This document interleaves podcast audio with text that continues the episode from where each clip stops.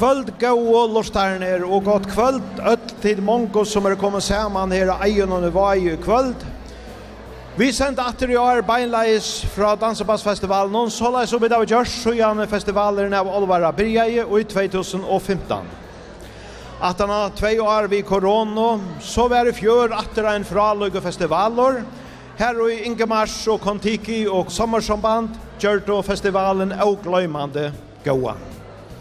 Og i år tar vi det kontrast og gutta fra Skandinavia, saman vi hans jakke hjelm, dansebands kongen og tjågon, som vi har paddelen noen, og vi færre vantande sett mye sendingene, jeg senda beinleis tøvnar her fra paddelen noen, vi orkester noen eisen.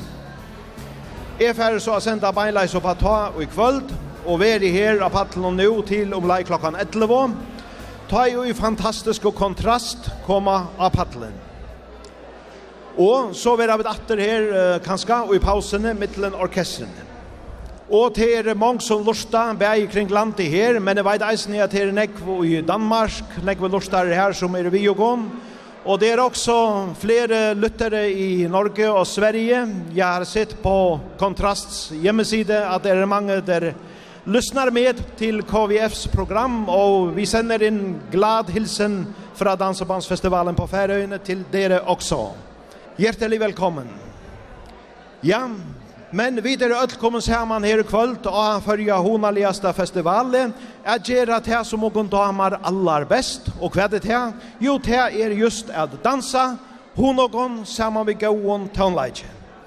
Og vi har sånn årene så setter vi et at ha av dansebandsfestivalen i Vaje og i 2023 og i gongt. Og leta som vant Voppengen, Robert McBurney og Vimmen byrja vi vekra sangenon Voksbygd. Gjere så vel.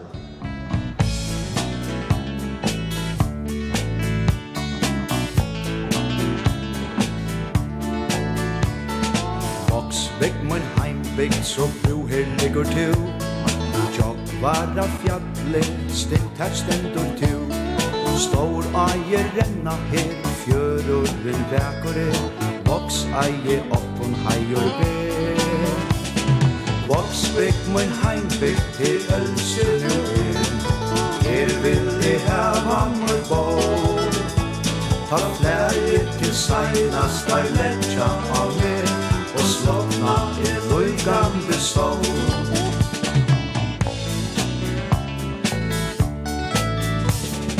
Her byggva garpa, sikla ut av hev Koma heim vi funge, ta solen fyrir kjær Ofta er leien sein, heva veri utan stein, koma tå atler glæger heim. Voksbygd mun heimbygd til elsen jo er, her vil jeg heva mun bo. A flægir til seinast har letja av mer, og slokna er vulgande sorg.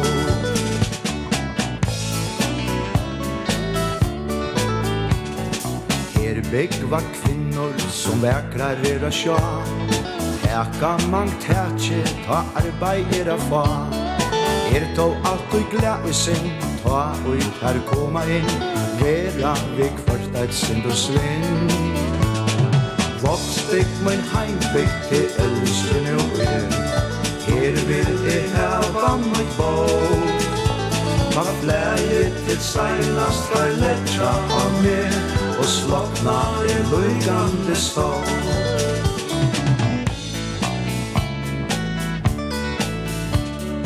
Løyt rundan om til ein vekran sommardag Ta solen hon skuinur av fjall og skolan lær Vattnet så pura stitt Ravan er heitt for gitt Solen hevor kvanna dalen fyll Voksbygd mun heimbygd til elsken nu er. Her vil jeg hava mot ból Ta flæje til steinast Ta letja av meg Og slåpna er lundande sol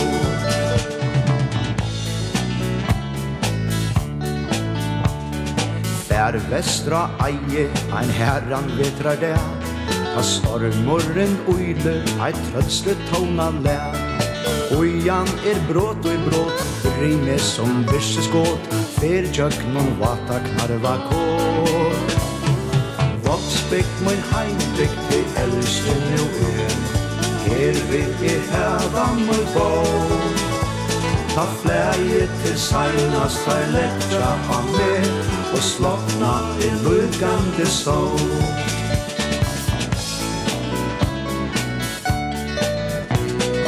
Gatt her eit stilt kvöld utom bygda mark. Løyt så a eljose som skuiner her så bjart. Vøkur ein sjönta er Vækras og i hese ver. Frøyelig bygden at nu er. Voksbygd min heimbygd til else nu er. Her vil jeg hava min bo Ta flæje til seinast Ta letja av mer Og slokna en vulgande stål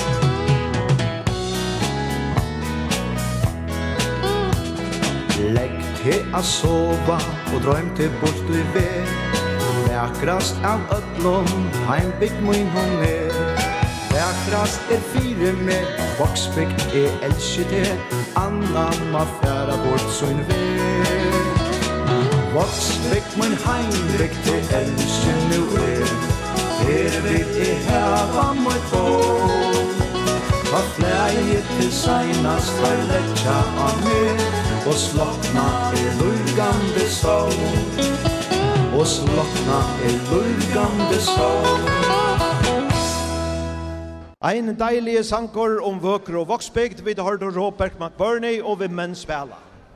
Her er gau stemning og i kvöld. Camping økje til er stikkvande fullt av campingvognen. Det var jo utselt for flere måneder og søgjene. Og festivalen han byrja i langt og i jar, eller gjerskvöldi og hamragare vi gåon felagsankje, og til eldre hona i oførst. Og, Og i morgen tar vi ut ødelsauna i her til ein lekkran brunch, deilige mætor, og i kvöld har vi så just og Janne Sundtje, og finnes soppo, og vi sunko ødel så at tætje måtte ferdig av høtlene. Ja, vi spiller i kvöld velsvingande dansebands Tone Like, just som vi pleia, og sett ni kvalifæra vi som sagt eisen i høyra nekka sanje beinleis vi kontrast, og gutta fra Skandinavia. Og akkurat prate for eisen i as seg inn sett ni og i sendingene.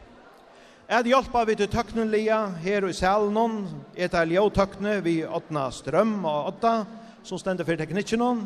Og i havn her sitter høkne Fagraberg, for jeg vil komme vel i luftene.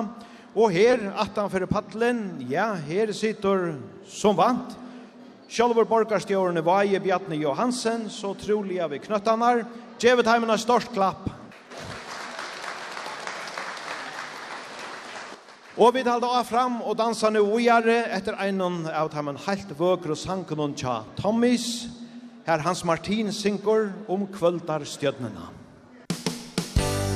För när afton kärnan lyser på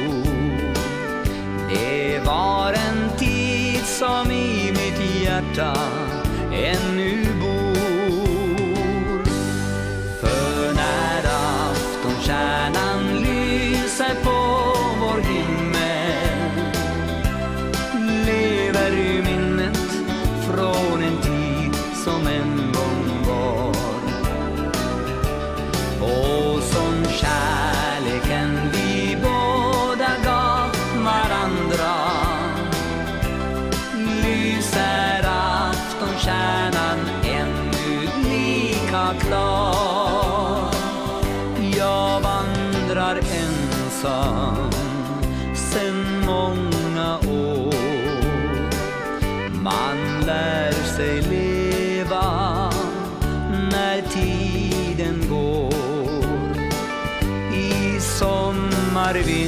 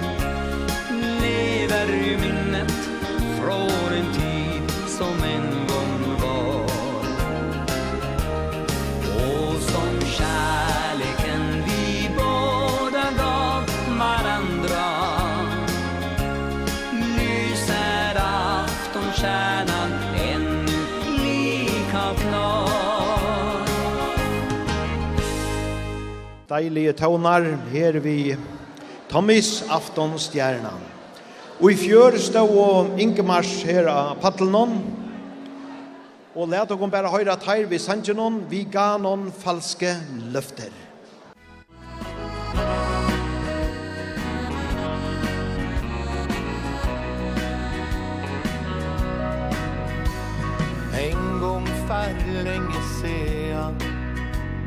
Da alt var varmt og gett Vi to var støtt i hopes Hver enda dag og hver natt. Men tida den forandres. Vår kjærlighet tok slutt. Vi er ikke mer i hopes Vårt vennskap det vart brutt lyga og falske løfter. Alt var lek og spill. Tomme ord og minner Var alt som vi fikk til. Lyga og falske løfter. Vår kjærlighet var blind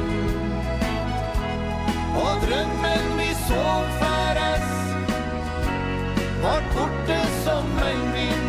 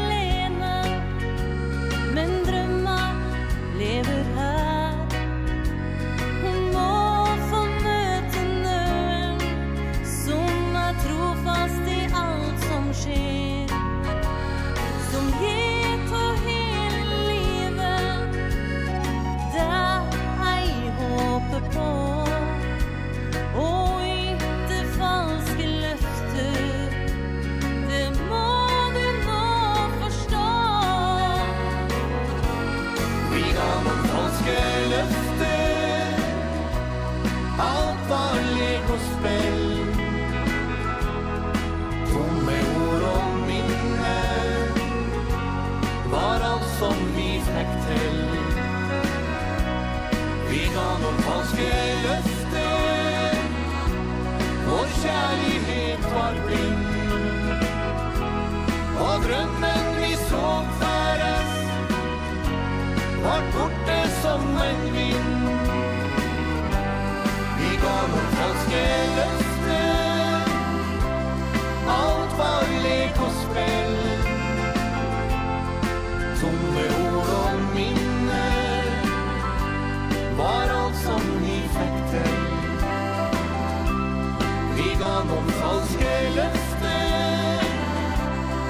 kjærlighet var blind.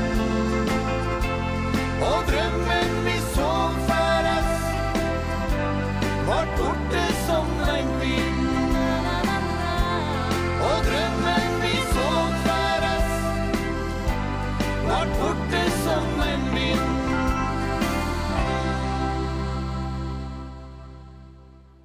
Deilige tøvnar her vi Ingemars, vi ga noen falska løfter. Og Atlantet, han skulle jo bæg Ingemars og kontrast verja Patle og i fjør, og ofta spela hese bæg orkestren i eisene saman, de turnerar rundt Sverige og Norra saman, og er ofta av sama dansesteg. Men det er bare så fra i fjør, og tog var Ingemars ta, og nå kontrast her, men det er no heldig ikke gale. Men la dere bare høre en gåan vi Ingemars træd, hendan kjenner vi helt vel, riktige venner.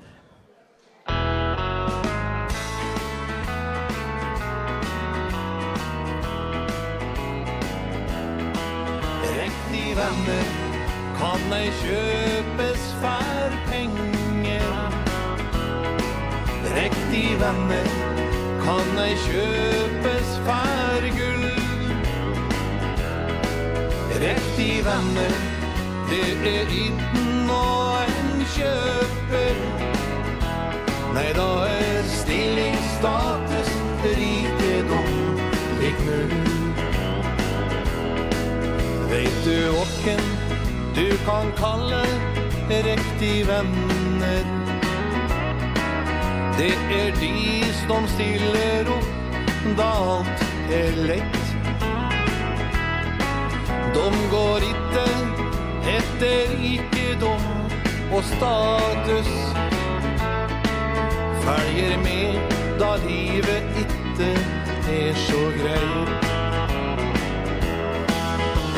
de venner. Kan ei kjøpes for penger. Rekt i venner. Kan ei kjøpes for gull. Rekt i venner. Det er itten og en kjøper. Nei, da er stilling, status, rikedom Lik null.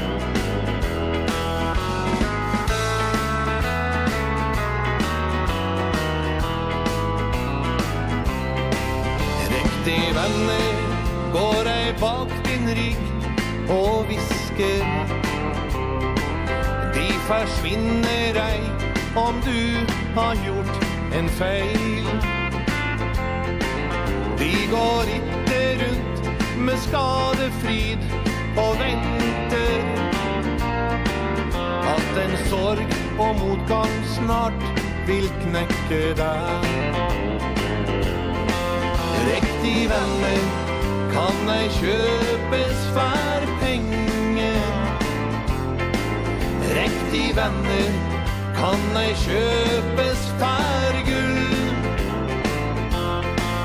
Riktig venner det er itten og en kjøper. Nei, da er stilling, status, rikedom, lik null. Nei, da er stilling status rikedom lik null Ingemar ser vi riktige venner. Ja, deilig da sånn sånn jeg folk av gulven om. Og hva, her har vi det ikke ødel godt? Ja! Hoa litt, ja. Hetta vær så ein pene sangren riktige venner, tja Taimon, i og haldi vi færa vujare vi rikingan, som vi eisene kjenna vel her heima, Norrlands netter. Norrlands netter.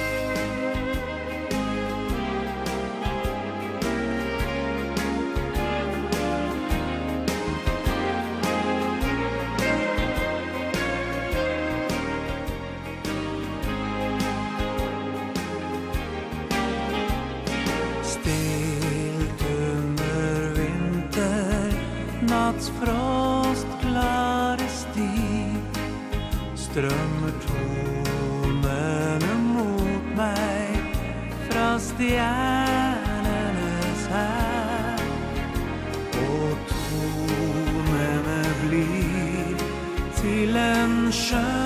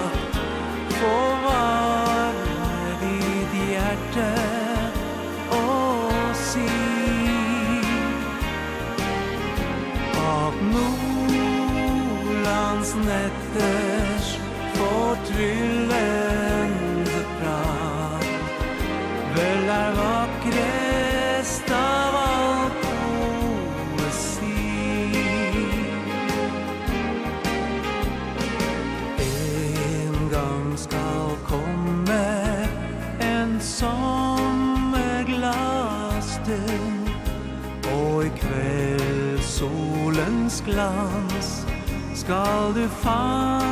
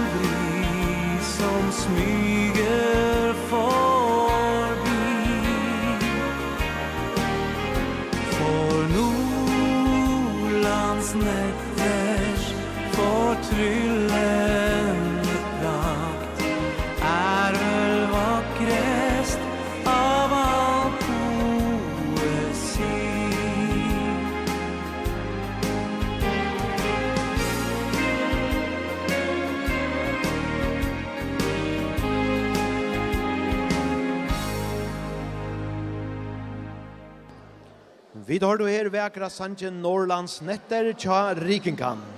Og nu får vi att sätta färgerna näka väl uppa till Radansegalen. Det gör vi samman vid Pio Pilgräns som för att og och hon ett tonan hon. Du gav bara luften.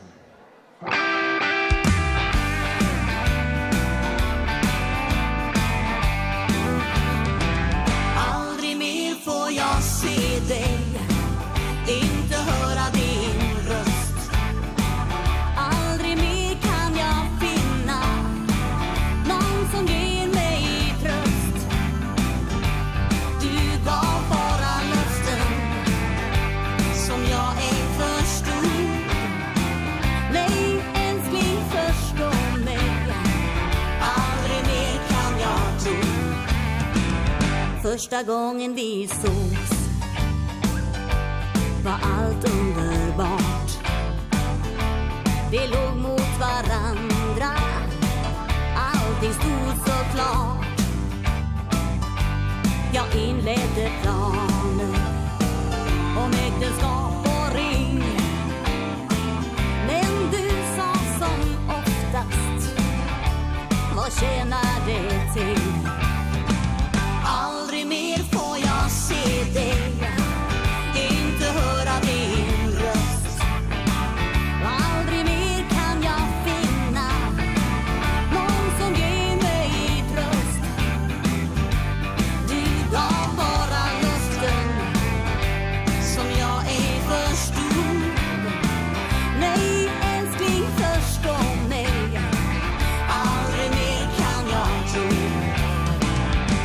Nu går jag här ensam. Vet ej vad sen sker Minnena de leknar. Och framåt jag ser. Kanske jag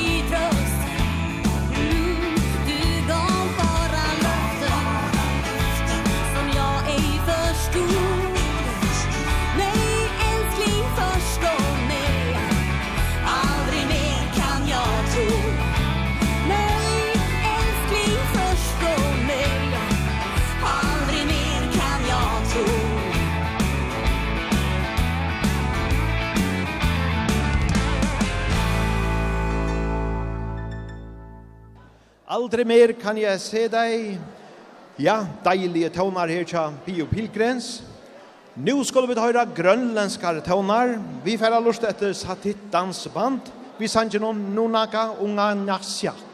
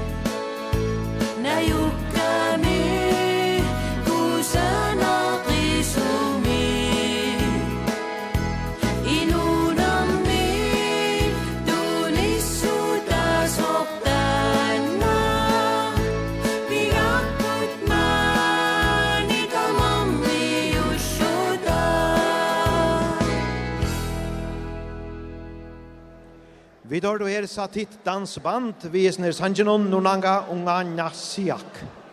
Ja, hesen runka i mittlen ærar gauar av dansegulvenon, ta i mun kære vinor Elis, Salle, og er bæir sento oppa ta beinleis ur nok og i 2015.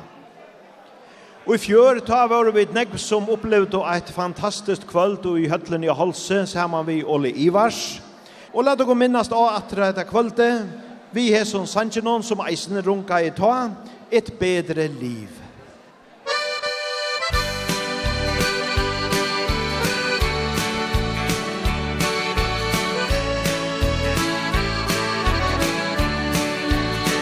Et bedre liv, det vil vi alle ha.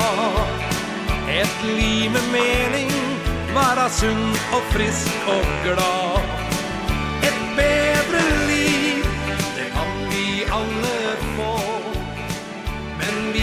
må gjøre noe sjøl om det skal gå. Om du føler deg litt sliten og litt tom for energi Gå en tur i skogen eller parken, ta deg fri. Ja, gi deg sjøl den gaven, det gjør deg bare godt. Det finnes mange gleder i det livet du har fått. Ett bättre liv, det vill vi alle ha. Ett liv med mening, vara sunn og frisk og glad. Ett bättre liv, det kan vi alle få. Men vi må göra noe sjøl om det skal gå. Det er glede i å danse Finn deg en å danse med dans i egen stue Eller gå på dans et sted. Sving deg ut i sommeren På ei vakker blomstereng Dans deg gjennom livet Heng deg med på et refreng. Et bedre liv Det vil vi alle ha. Et liv med mening Vara sunn og frisk og glad.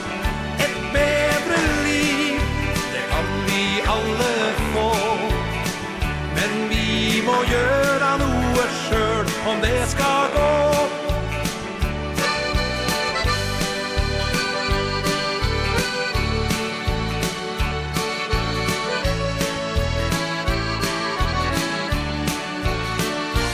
Vilje gjør det meste mulig?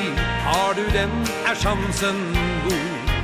Lite er umulig Når du vil og ha litt tro tro på at ting nytter At motgang styrker deg. Og husk at du er lyset for noen andre på din vei. Et bedre liv, det vil vi alle ha. Et liv med mening, være sunn og frisk og glad. Et bedre liv, det kan vi alle få. skörd om det ska gå. Ett bedre liv, det vill vi alle ha. Ett liv med mening, vara sund och frisk och glad. Ett bedre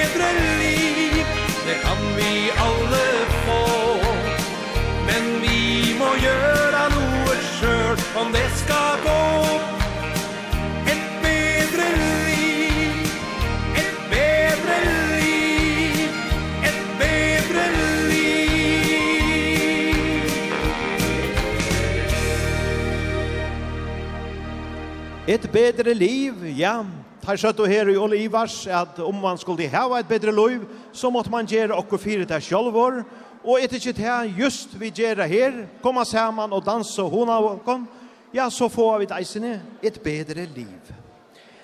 Hetta næsta sanjen, han hava við her fyrir stotton Horst han sjakki hjelm sinja av føreskon. Ta fer við ikki gera kvöld, men vi fer høyrra uppruna sanjen við ein liten fiskehamn her vi Lassa Stefans.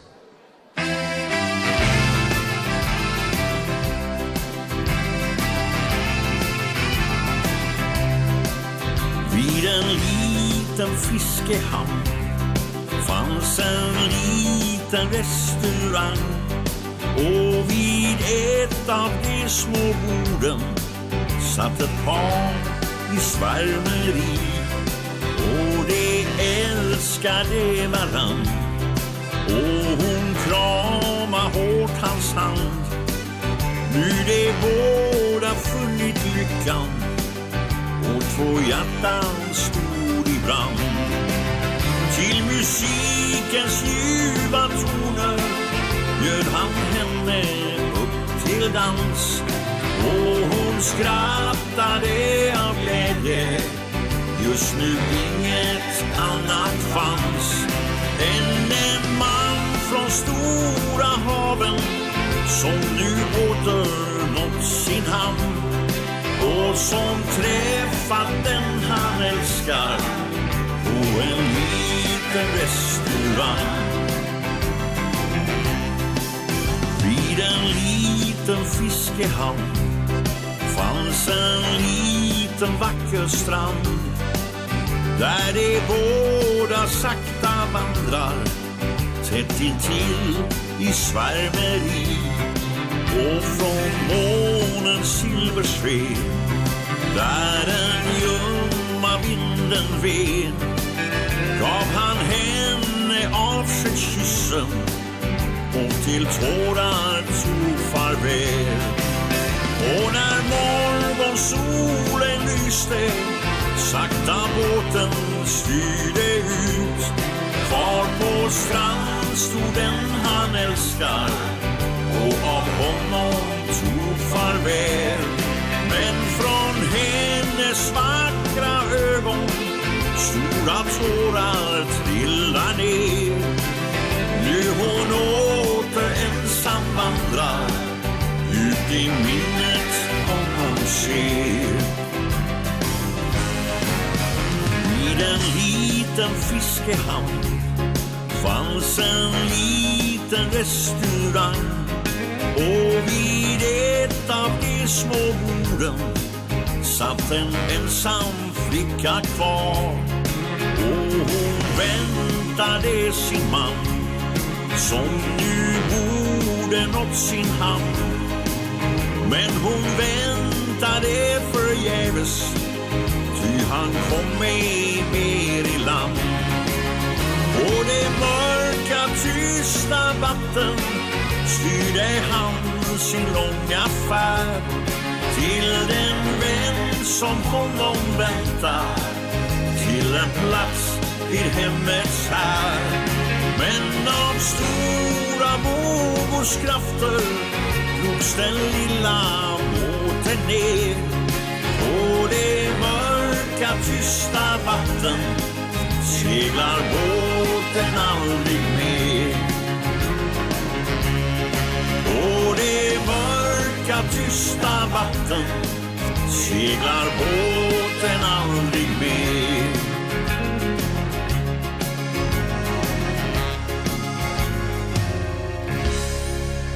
Og der herrenlige danselige tonar vi Lassa Stefans ved en liten fiskehamn.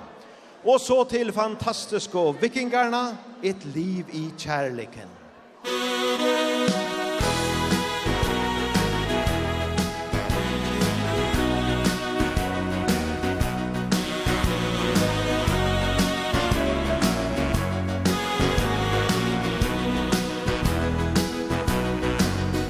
Att få vakna vid din sida varje morgon är famn och somna om. Och vi glömmer allt omkring oss och håller om varann För vi vet att våran kärlek den är sann. Ett liv i kärlek vill jag leva just med dig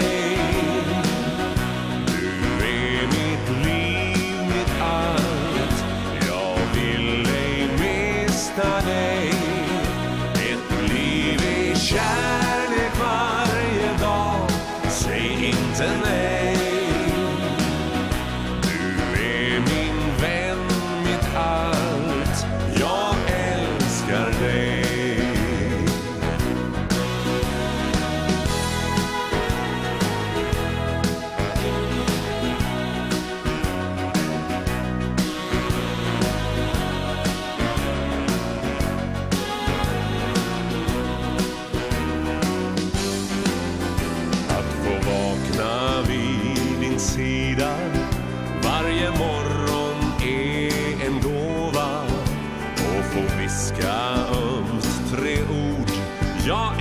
älskar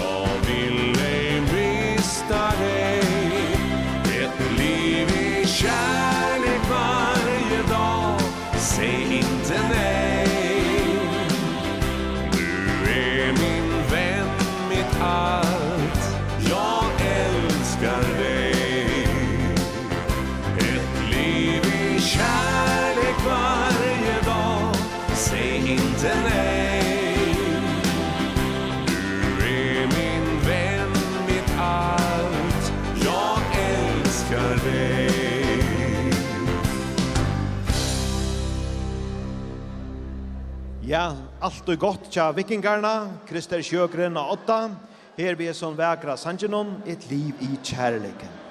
Og fra Taimon færa vi bant til Torleifs, vi er som ekvelia danselia sangenon, ja dansar med en engel.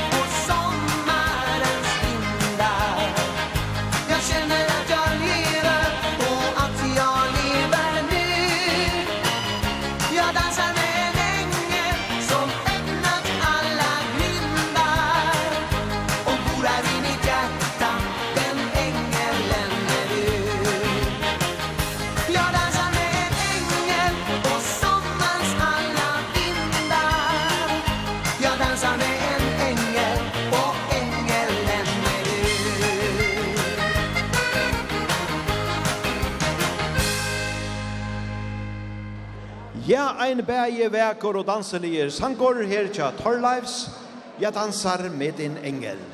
Og i 2018, ja, ta vær um, Anne Nørsti her av Eienon og sang og spalde, og let dere høyre dansebands drottningina sjolva, vi hesen her nasta sangenon som setter rattelian foto i akalvenon, en klem, et kyss og farvel.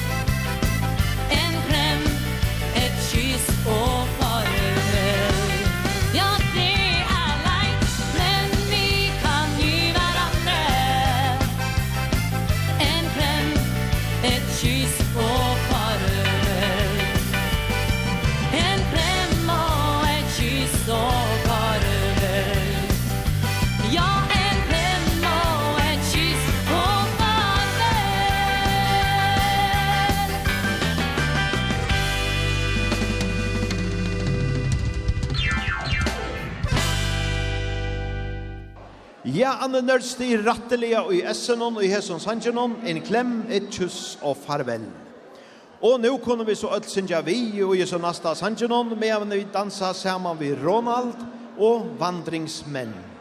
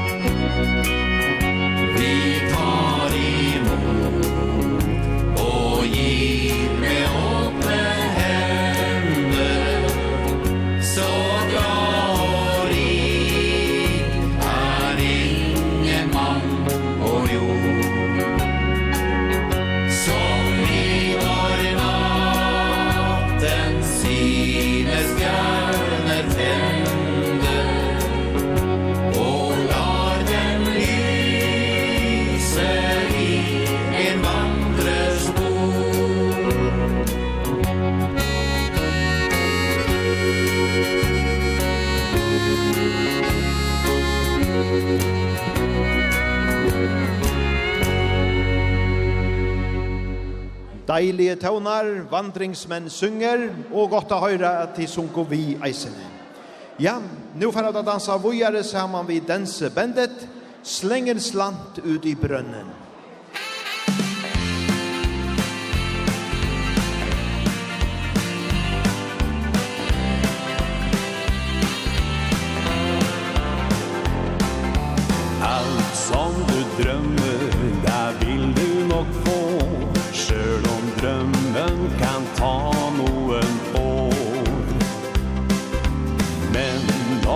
sker Trur ge du ler åt den ginta som ber om no mer. Så släng en slant ut i brønnen och ønsk deg en ting. Kjøp så en fin giftering och etter hvert Så kjenn vennen som du holder kär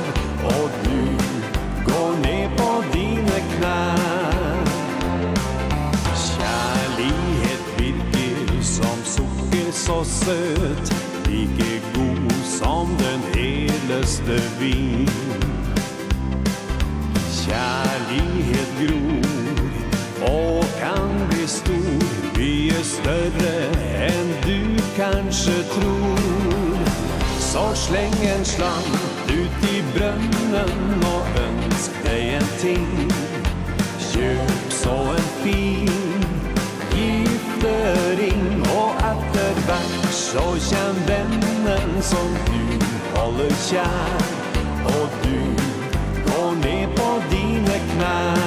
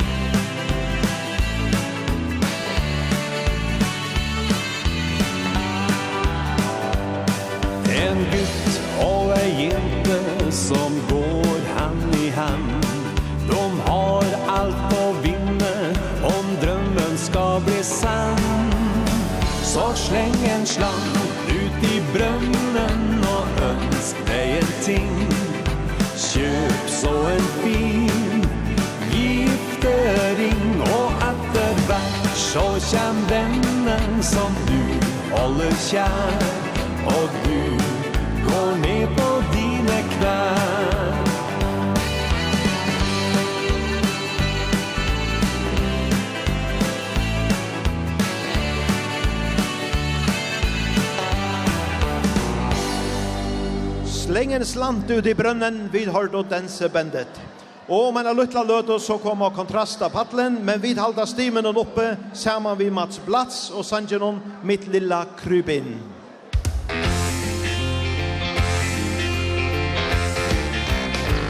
Vill du följa med mig i mitt lilla krybin?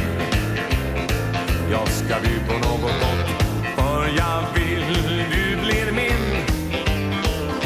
jag plocka fram av mitt bästa porslin. Tända några ljus, skön musik, en flaska vin. Ska vi säga kom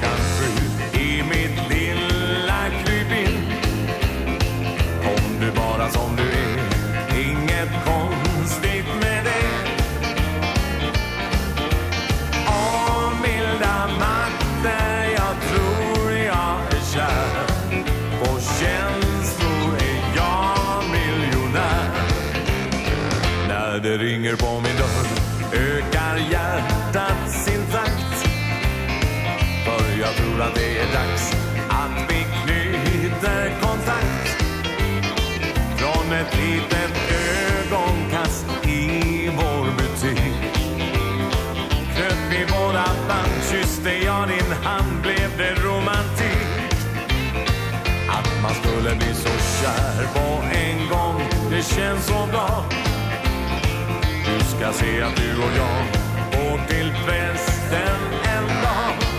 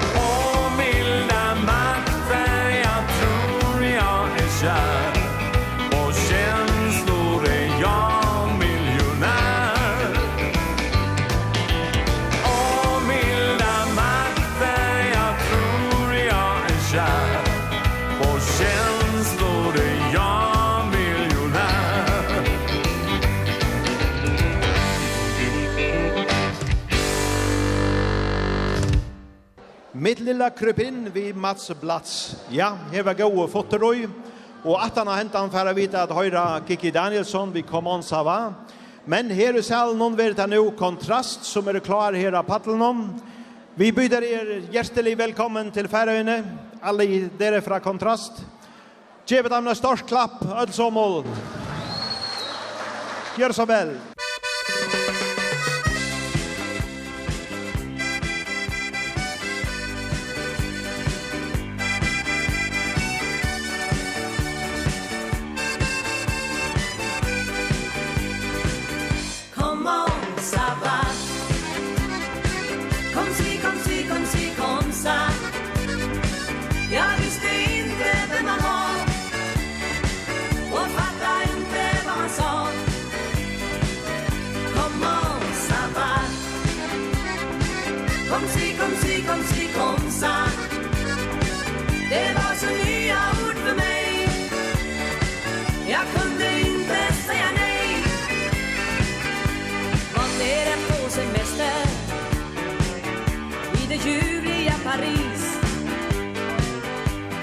på en grand monsieur.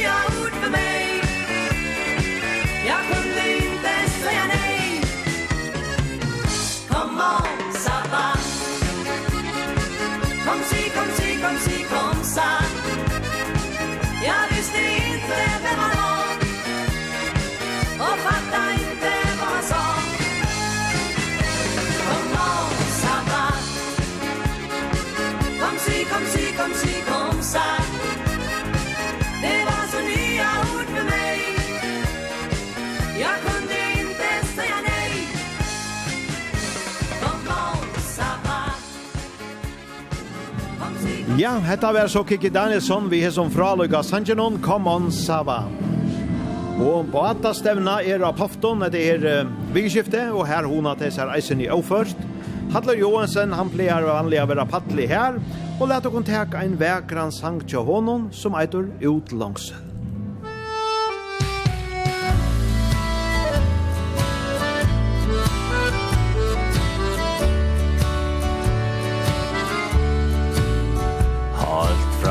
allar fyrst og stånd Eva rora vår og i blom Hørde halsens även anda dra Så ta brann i moine sal. Stærskor langså som eit barn til a sleppa ut Er røyna halsens mål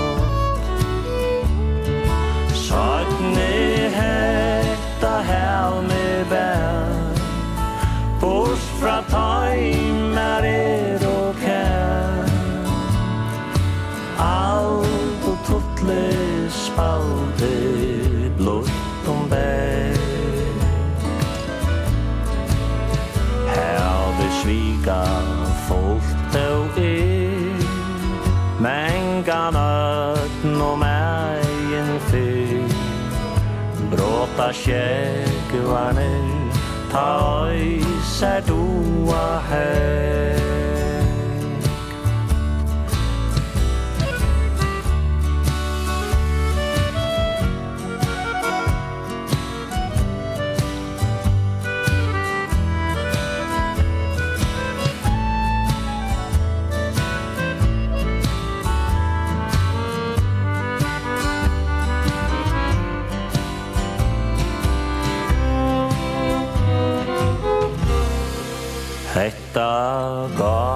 Við rúika hel Mengan megnar fondjen gel. Hafsen silvur Akkon adlun stimpur vel. Men vi sanna mon og tau.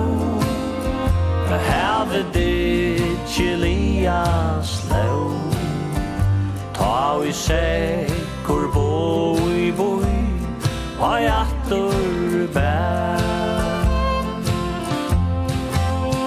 Hetta sjø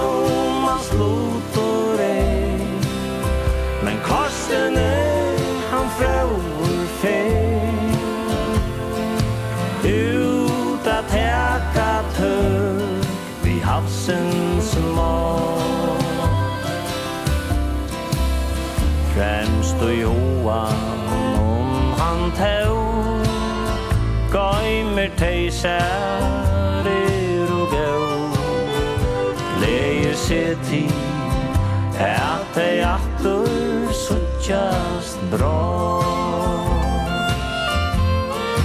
Leir se til at tei atur suttjast bra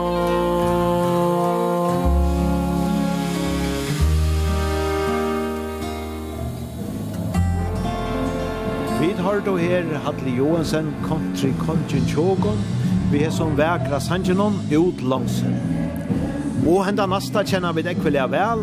Lykkliga gatan Her vi Sten og Stanley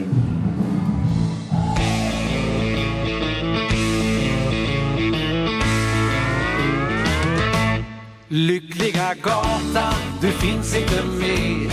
Du har försvunnit med hela kvarter. Tystna har leken, tystna har sången. Högt över marken, svävar betongen. När jag kom åter var allt så förändrat. Trampat och skövlat, fördärvat och skändat Ska mellan dessa höga hus en dag stiga en sång. Lika förunderlig och skön som den vi hört en gång. Vi har aldrig borta, det är bara så. Ändå så vill jag nog inte förstå Att min idyll som ju alla vill glömma Nu är en dröm som jag en gång fått döma Allting är borta, huset och linden Och mina vänner har skingrats för vinden. Lyckliga gatan, det är som här dragit fram. Du fått ge vika nu för asfalt och för makadam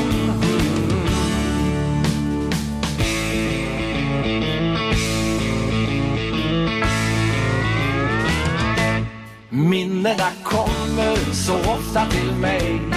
Nu är allt borta, jag fattar det ej. Borta ur huset Den nu klängde Borta är grinden Där vi stod och hängde. Lyckliga gata Du finns inte mer. Du har försvunnit Med hela kvarter. Tysta har leken Tysta har sången. Högt över marken Svävar betongen. Lyckliga gatan Åh, oh, lyckliga gatan lyckliga gatan. Åh, oh, lyckliga gatan Det finns inte mer. Lyckliga gatan, den finns inte mer. Nej, så satt det där her. Vi Sten og Stanley. Og så færa vi datter til Torlives Vi tar det her eisne fyrre kvöld. Læt okon her, har det her vi vekra Sanjanon Gråt inga tårar.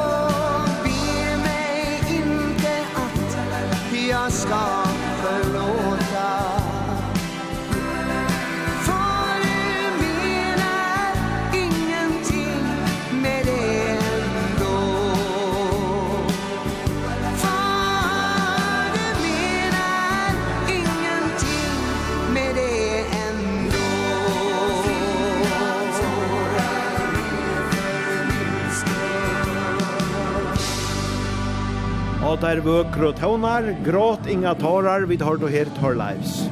Og så er det Mimix som færa seg da rattelig fått og jator, lukk opp din hjertedør.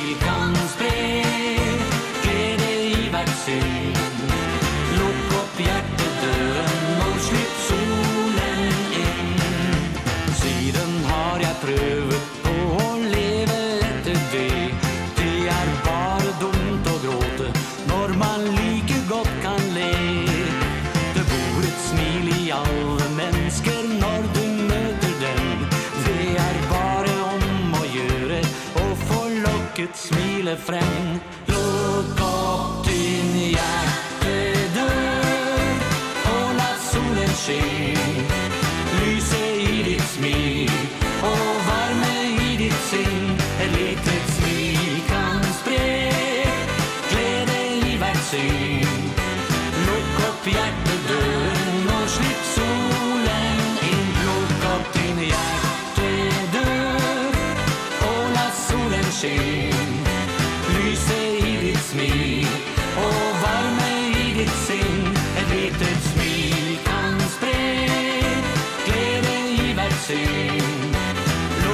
fjärtedörren och slipp solen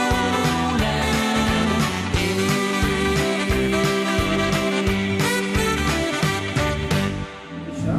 Vi tar då her Look up din hjärtedörr vi Mimix Ja, her var sanneliga gåor fotoroj Og let dere bare fære vågjere vi en gamlens lagere til Mats Bergmans Blueberry Hill. Blueberry Hill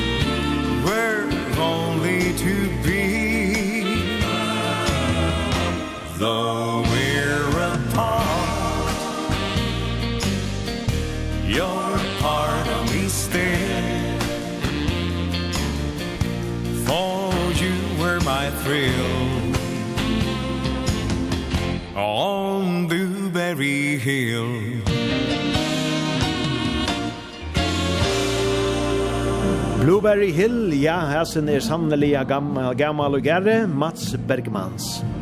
Og så til ein som er ikkje minne kjendor, Tommis Djevogon her, sjømannen og stjernan.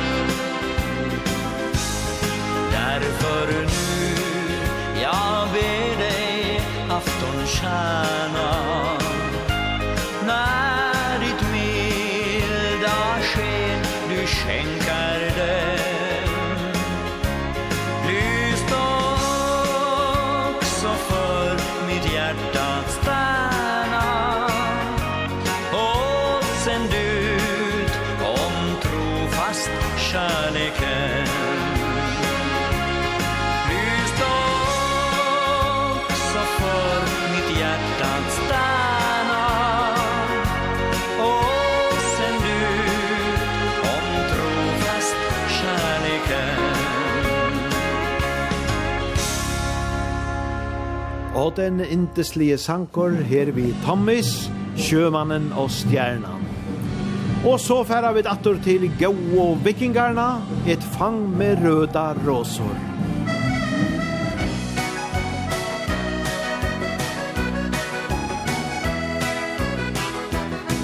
Jag sitter här i nattens sena timmar Och väntar på att jag ska resa hem Jag vet att du försökt att mig ringa. Men jag har inte kunnat nå dig än. Jag sänder ett fång med röda rosor till dig Och hoppas att du förlåter mig. Jag önskar att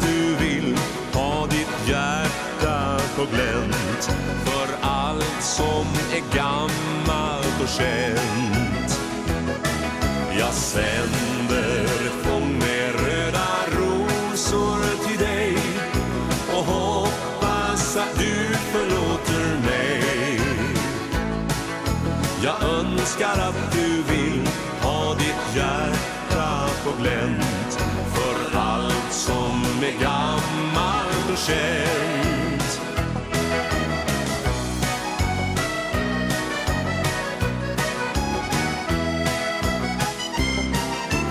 sitter här i nattens sena timmar Och längtar hem till dig som jag har kär.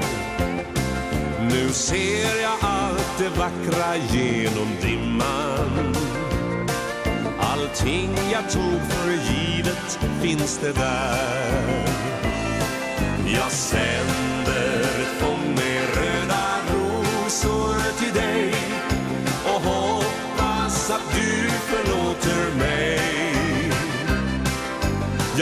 önskar att du vill ha ditt hjärta på glänt. För allt som är gammalt och känt. Jag sänder ett fång med röda rosor till dig och hoppas att du förlåter mig. Jag önskar att du vill ha ditt hjärta på glänt. För allt som är gammalt och känt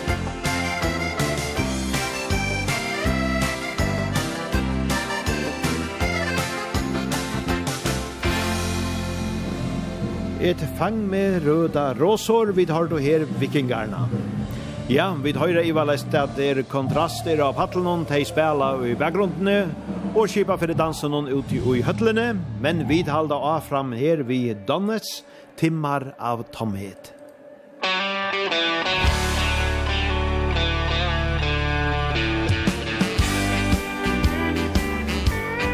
Timmar av tomhet, timmar av tystnad sen du gick din väg. Timmar av längtan, timmar av fruktan sen du sa farväl. Tar ett glas i förtvivlan, tanken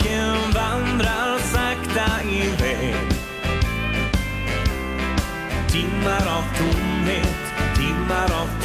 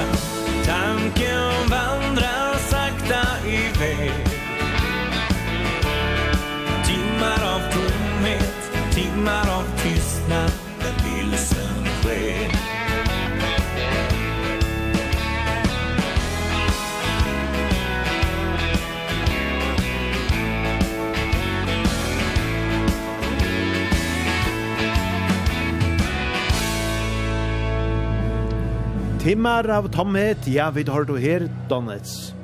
Og vi færa vi er vi kjenton tøvnum fra Striblers, ja vil elska.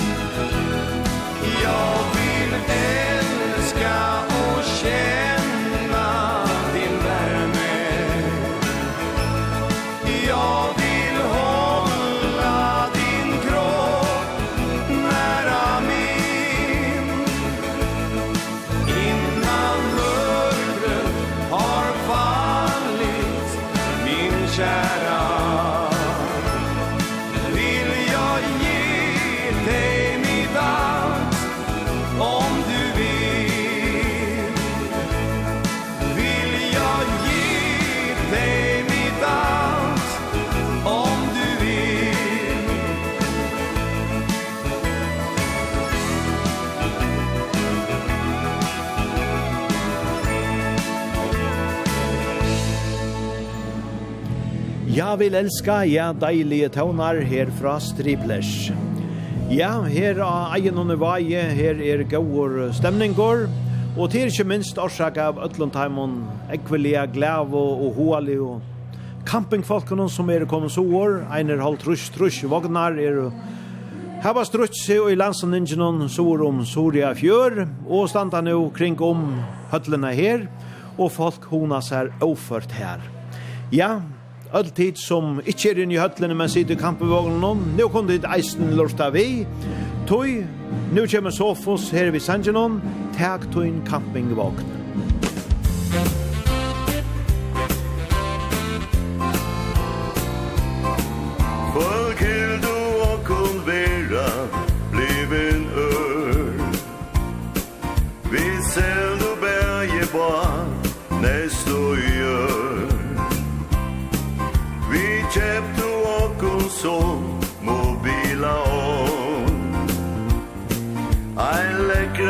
Farstand puitan Camping vogn Täten camping vogn og krøkan og tuin bil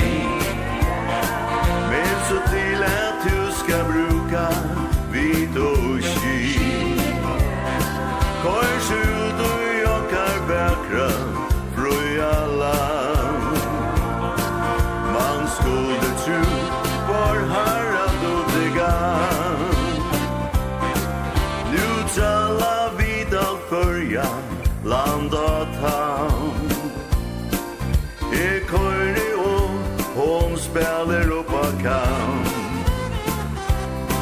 Så synt jag vidur slitt nu grön och bo Ja, vi samsynt om och jag sni häva krå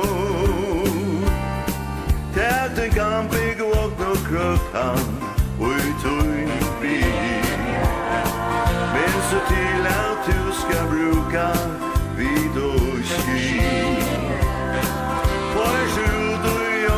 väckra fröja alla Man skulle tro var herra du det gav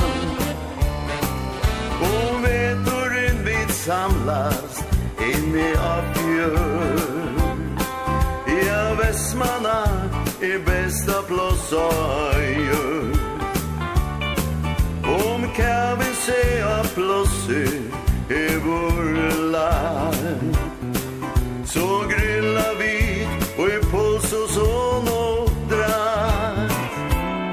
Täten kan vi gå upp något krökan och ut och in vi Men så till att du ska bruka vid och kyl Kors ut och jag är väkra Fru alla här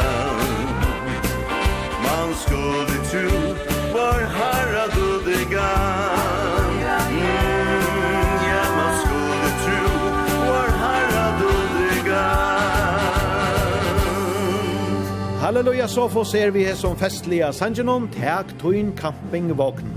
Ja, som sagt, det er gode stemninger og ja, campingvognen her kring om høtlene.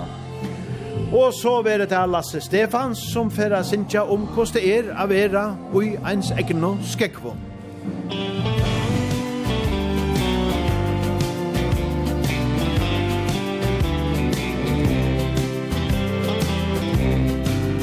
Ja, ja, egen Våra slott och herresäten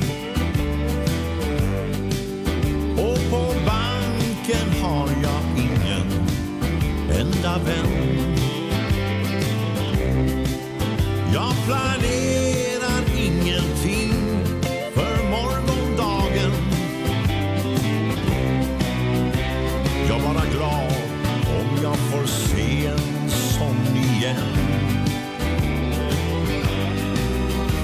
jag väntar inga under från vår Herre. Och jag gör vad jag kan för att ha det bra. Och jag halkar till ibland men det kunde varit värre. För som är värre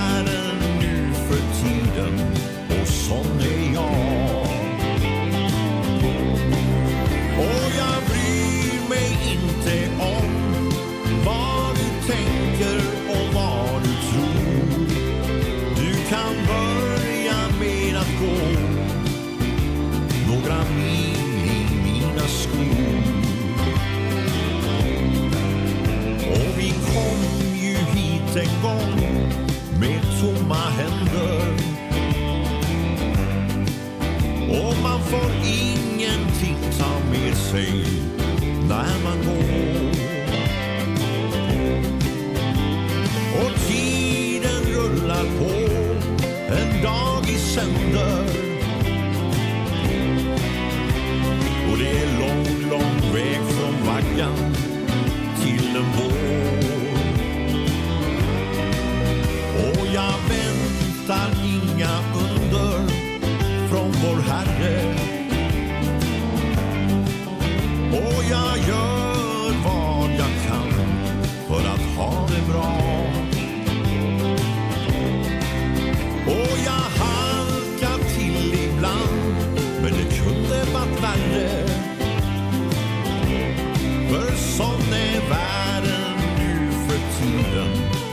sån är jag.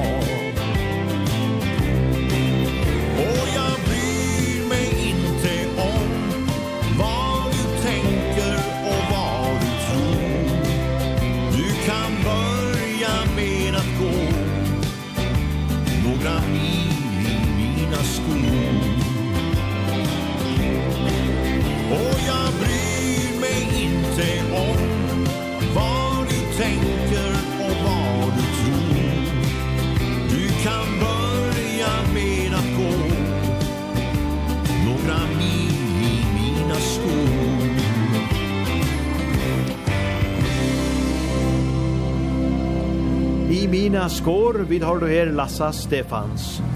Og ja, som sagt, her er gode stemning i Eienon, og vånant i et heisen til kring landet, til som ikke er her, men som dansa saman vi og Lad dere ned høyre flamingo-kvintettene, der nekrosen blommar.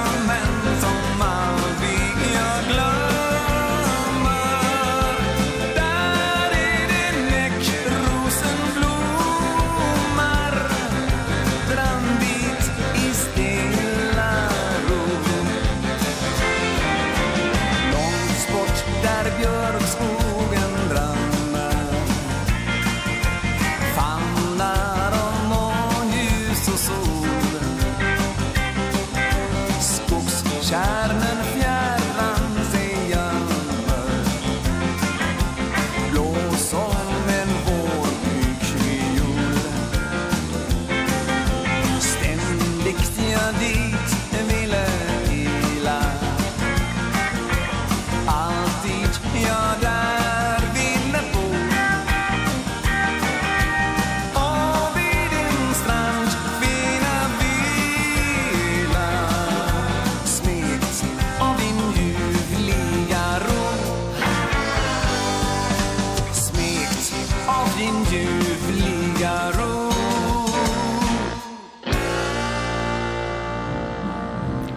Ja, vi har her en, en nesten rockande utgave av Flamingo-kvartettene vi Sanjanon, der nekrosen blommar.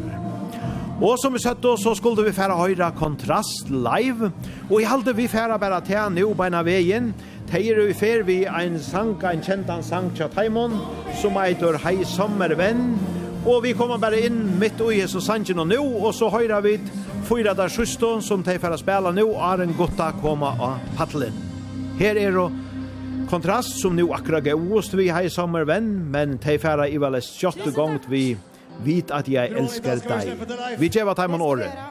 Ei låt som eh, har vært populær i Norge i veldig, veldig, veldig, veldig mange år. Håper dere også vil kose dere ute på gulvet, tett inntil hverandre. Det handler om å vite at jeg elsker deg.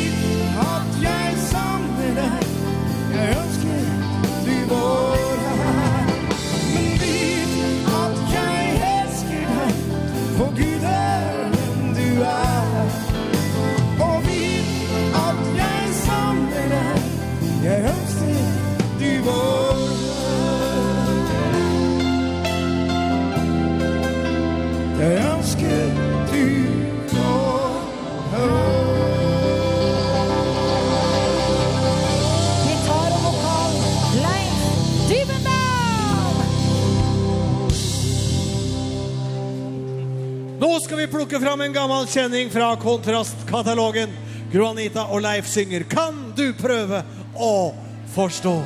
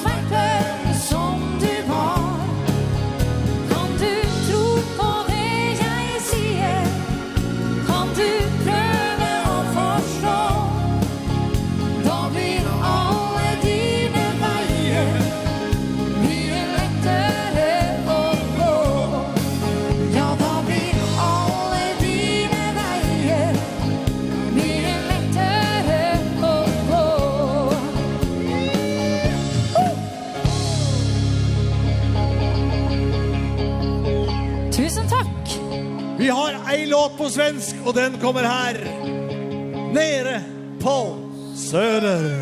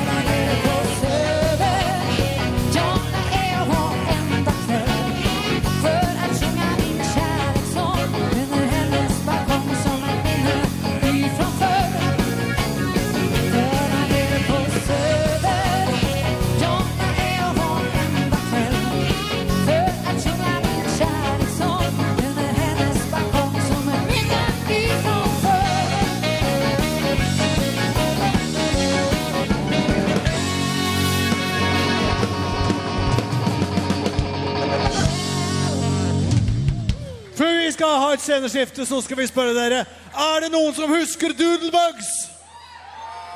Suderøy, er det noen som husker Doodlebugs? Vi skal ta den største klassikeren av de alle sammen. De hadde jo mange, men det er ei låt. Det handler om en liten samejente oppi fra Finnmark som het... Lille! Helt riktig. Her kommer den. Lille Laila!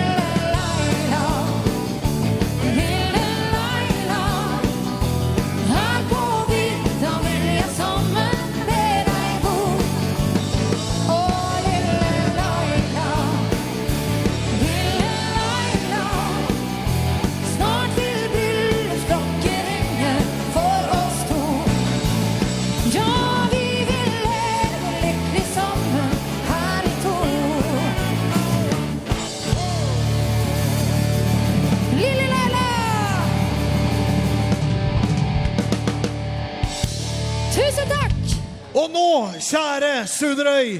Nå kommer det en fantastisk gjeng opp på scenen. Vi ser oss, de har vært på Færøyene mange, mange, mange ganger. Det er første gangen vi deler scenen med dem, uansett hvilke land de er i. Her står de. Steinar Storm Kristiansen, Terje Mårstad, gutta fra Skandinavia. Applaus! Jan. Hallo, Jan. Gjevet Taimon, et stort klapp her i guttan. Og vi får spela en sang, kanskje tveir, inntil der er helt klarer her av Patlenon. hon. Og vi får legge fire vi ein noen gåon tåna, her vi Ole Ivars, kongen av campingplassen. Han har den fineste vogna på campingplassen. Vogna mi, den kaller han utedassen. Forteltet han har er aller størst. Og det var han som kjøpte gassgrill først. Jeg har ei lita vogn fra 1986 Bærbar do, en såkalt porta potti Men campingtur er kjett uten cash. Så jeg har penger, dårlig vogn og tømmer bæsj. Ja, campingtur er kjett uten cash. Så jeg har penger, dårlig vogn og tømmer bæsj. Han har det dyreste, feteste partyteltet Og største plattingen på hele feltet. Men aldri er det noen andre der For han bærer skryt og er så svær. Jeg har en lita bong fra 1986 Men den bonga mi har jeg det godt i. Jeg har venner, brennevin og køl Når vi griller sitter kongen for seg sjøl Jeg har venner, brennevin og køl Når vi griller sitter kongen for seg selv. Kongen av campingplassen har en helt vanlig jobb. Penga han brukar eieren ingen ta. Han låner allt för att vara snobb Kongen av campingplassen Han gör allt för att vara kar. Störst platting, störst vång, störst gjeld, störst kärring Det er alt kongen har.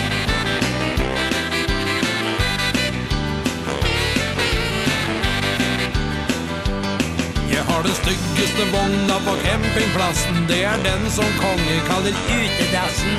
Men han må da bare gjøre narr. Jeg tror jeg har det bedre enn han har.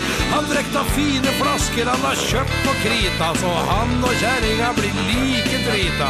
Spriten min er uten toll og tull. Da smaker det litt bedre og blir full. Spriten min er uten toll og tull. Da smaker det litt bedre og blir full. Kongen av campingplassen har en helt vanlig jobb. Penga han bruker eieren ingen ta. Han lover allt för att vara snopp Kongen av campingplassen Han gör allt för att vara kar. Störst platting, störst vång, störst gäll, störst kjæring Det er allt kongen har. I år han köpt tabbert, i fjor hade han kipp Och Volvoen han kjørte han bytta till jipp. Men kjerringa, hun er det samme gamle. Det fete boller under kjerringskramle. Kongen av campingplassen har en helt vanlig jobb.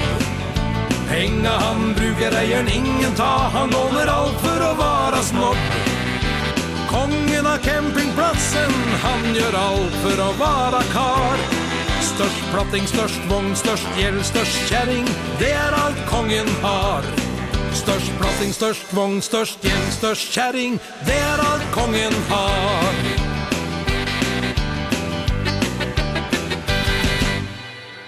Ja, fantastiska deilige tonar her fra Ole Ivars, kongen av campingplassen.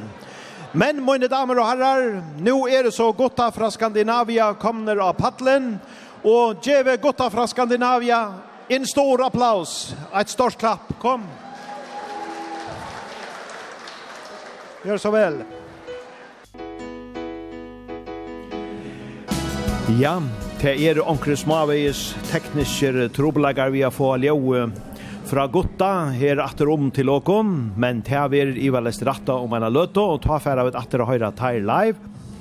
Så vi færa nu bara at uh, spela en gåan uslenskan tona her vi Garmonde Valtesine, Lukko Tjole.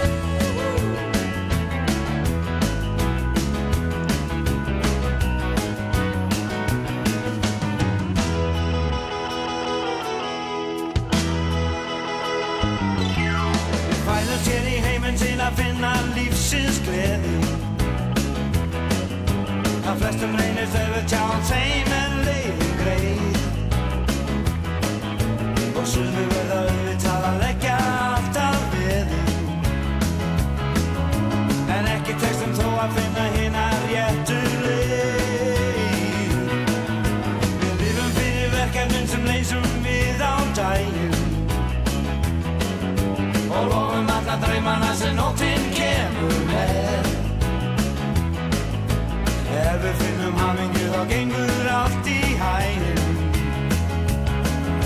Og hefnin nefnist manturinn sem bætir okkar geir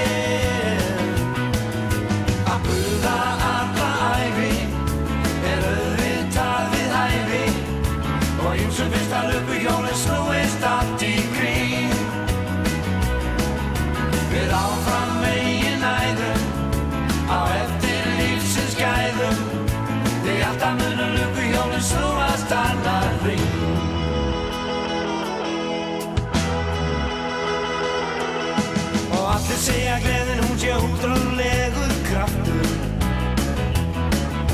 Hún ætti að reyna að slappa drú í lífsins miklu þraut. Og þeir sem gera musikinn þeir þurfa að reyna aftur.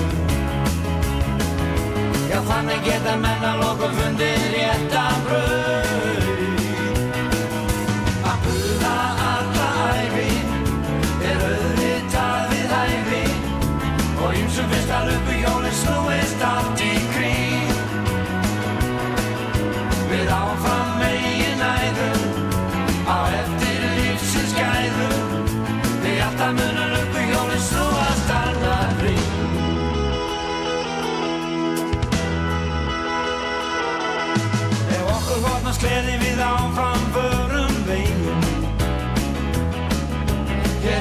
behöver inte ta mig hinner lite fall En kanske bidrar okkar heim heimur hinnum vegin Og hamingju og gleði munu allir finna þá. Að buða alla ævi er auðvitað við hævi Og ymsum vestar uppu jólin snúist allt í kring.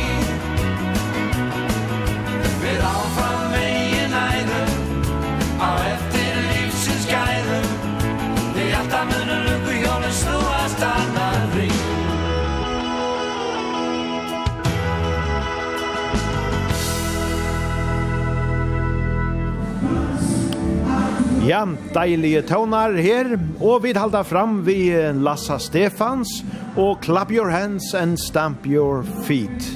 Gjør så vel!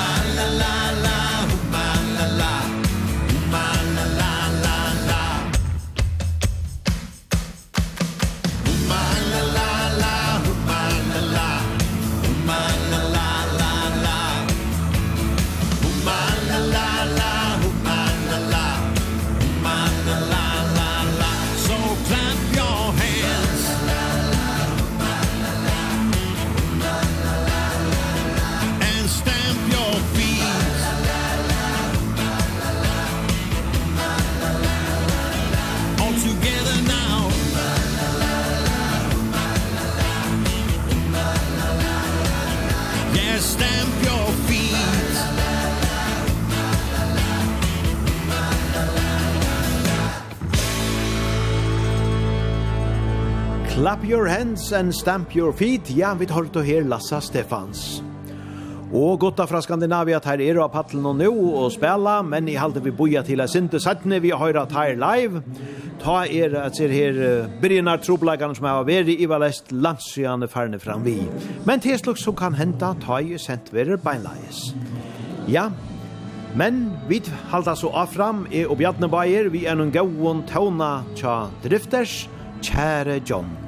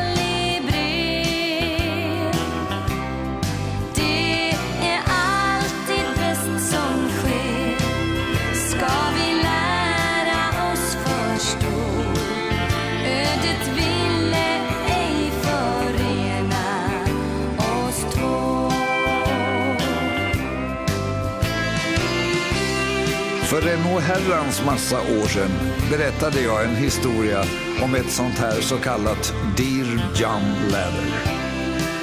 Och det gick ut på att jag låg inkallad.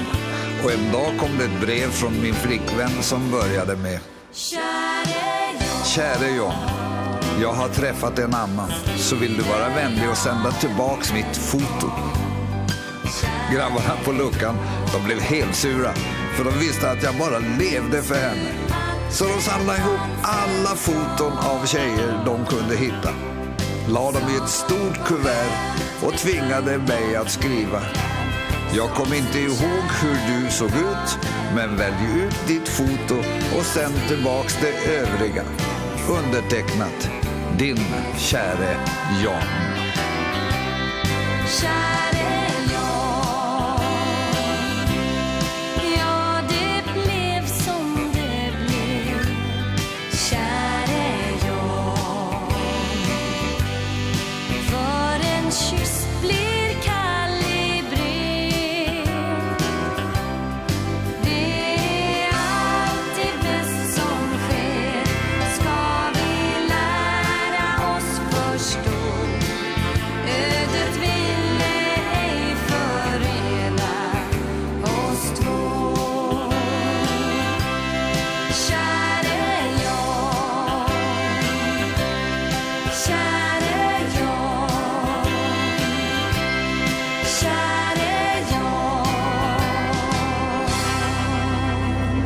kjære Jon, så sunket jeg her og i drifters. Og man har løtt og halvtid vi færre røyna få en løtte prat og le vi han sjakk hjelm og kanskje omkrana træt. Men let dere først teka en gåan slakare her vi Sven Ingvars. Det var i vår ungdoms fagraste vår.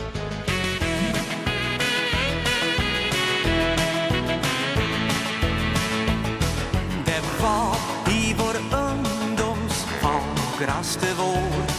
Man hade gått och läst och man var 17 år.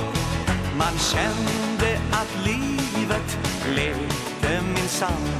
Som det ju bara kan ut i Värmeland. Till allt som var sköj och livat sprang man fort. Långt värre än löparnisse någonsin.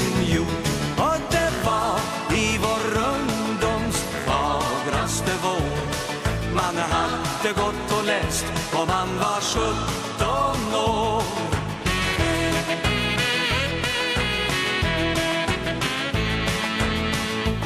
Som blånor i kroppen hade man då. Man måste absolut bort till festplatsen gå. Och fortskaffningsmedel hade vi med. Vi åkte fyra man. först som hade dragharmonika. Det har först man for och hörde Monika. Ja,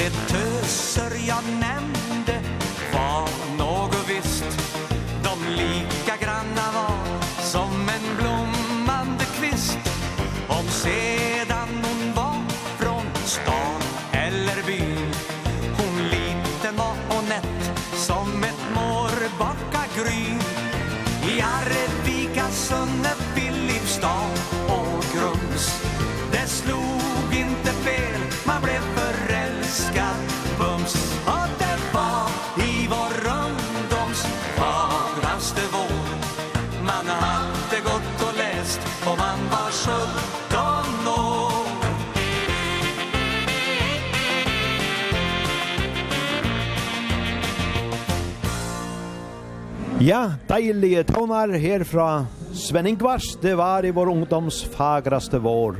Og hese bæg som her standa, ja, hei er nastan eisen i sin ungdoms fagraste vår, i ötlom føren og i sinnen noen, kunne vi sija. Hei til bæg, han sjakke og somrid. Hallo. Hallo, Finnur. Ja, nu er festivalen i full sving, og gode stemninger er i høtlene, stikkvande fullt av folk er av gulvenon. Ja. Og hva, hvordan har vi nå ikke vi fire noen her uh, Sondrit, Du har haft kontakt med orkestrene og så over det veit det. Og det er vi ikke som etter andre eller hvordan?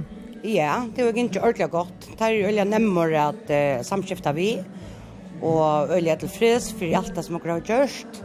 Så det var ordentlig stått lott, og um, alt det var ikke på stas alltid, ikke det, Jan Sjekke? Jo, absolutt, absolutt. Ja, og kontrast, De kom så i det, mitt middag, og Gutta kom og beint av æren der skulle ha paddelen i kvöld nasta. Uh, men uh, de vera så verande luggen til sonnedagen, så de færre oppleva sinter av, av landen og, og hvert av sunnen. Kipa de fire nøkker om fire damen, nøkker tur eller nøkker? Ja, det ble jo alltid å gjøre. Klaus ble alltid å fære en bostur ut av man. Og hun sa at man akkurat flott i ørt, som er den flotteste førjon. Ja, så er det ja. Det er helt dodelboks ja, sinne, ja. ja, og... Den vakre du. ja, ja, absolutt. Han færre att spela setten i alt. Ja, ja. Men uh, nu er det så godt av paddelen hon, og stemningen er god, som sagt. Og så helder skrajen av fram i morgen, vi er til det vanlige, og ta færre titta paddelen eisen. Ja, ja, og færre paddelen i andre kvöld til dans, og, og så har vi nått att avtala vi vi gutta at ganska åka gör åka til Gossarnas nästan så takk om folk läst til lite förrän så spennende, ja Ja, og hvordan to, to er ikke helt eiersører av paddelen? Man tror ikke for å ta akkurat omkring sang sammen vitt om vi gjerne kveld? Ja, men det er det som planer, ne? Ja. Man maser ikke på som man sier. Ja, ja. Fralukt, fralukt, ja. Jag pratade nämligen vi omkring i køtjen og och nu morgon. jeg pratade jag hade vi förra senta nasta fredag kväll. För jag har høyre eisne hvordan det kusse där arbete gång för sig. Det er ju en öjlig større pastor av ödelnesen här. Ja, det er alltid så absolutt at det er folk som sitter at han fyrir til til å si det som gjør med til brunch, det er som gjør med til, til suppe, og det som gjør med til, som man sier, grilling, og alt som er, til, til, til en større part av oss nere, altså. Utan det så var, så var det en festivaler, altså. Helt sikkert. Nei, det er akkurat det. Det er en parter av honan hon. Heldig ikke det sånn rett? Absolutt. Altså, det beste kvöldet, det var jo kjørskvöld. Det var hamlager. Ja. Her ble skott en gang til kjørskvöld. Ja, absolutt. absolutt. Og her helt det jo alt alltid klokkan halv til tutsi. Eh, var en eh, truss og fjers folk. Så det var ordentlig, ordentlig godt. Ja, det er ivalest og almindelig stått. Til lukka vi man skal sendt beinleis fra tøykvöld. Det er kanskje åkken gjørna neste år. ja, det är en upplevelse. Ja, det är en upplevelse, ja. Vi kunde ju ödla för en färg och just några det här eller och Jo, jo, men uh, ja, skrajen hon hällde så av fram som sagt. Och Gustavnas ny morgon klockan ett och, ja. och så dansade vi i annan kväll. Akkurat, så jag hade folk som bara kunnat se om Skåne av Facebook och, och komma öster, det här är fantastiskt. Tack kunde vi öll skriva under på, öll så mål. Och jag hade att vi färdar bara, vi är vi gå tonen nu. Tusen takk til Tuin, og du trofast det mot festivalen. Takk, takk, takk, takk, Gawa. Ja, vi drøyna hva vi kunne. Bjartne sitter her, klarer vi til nasta sangenon. Vertus heil meg, eider han, og te er rakke Bjartna.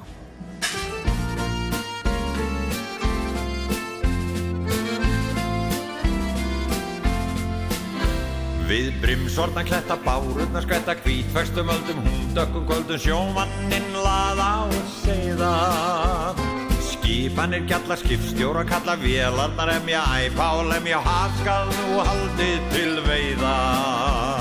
Vertu sæl vei Ég kem aftur en kvöldar í Gleið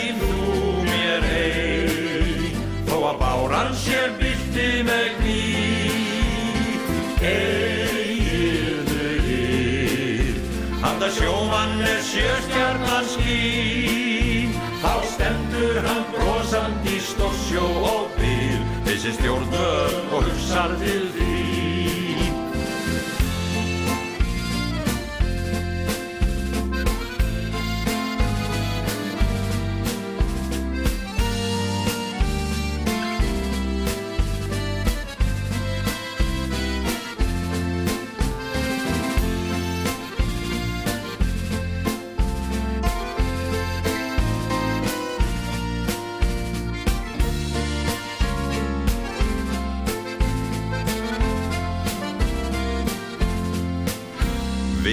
sortna kletta bárutna skvetta kvít Förstum öldum hundökkum kvöldum sjómanninn laða og seiða Skipanir kalla skipstjór og kalla vélarnar emja æpa og lemja afskal nú haldi til veiða. Vertu sær vei Ég kem aftur en kvöldar og ný. Gleif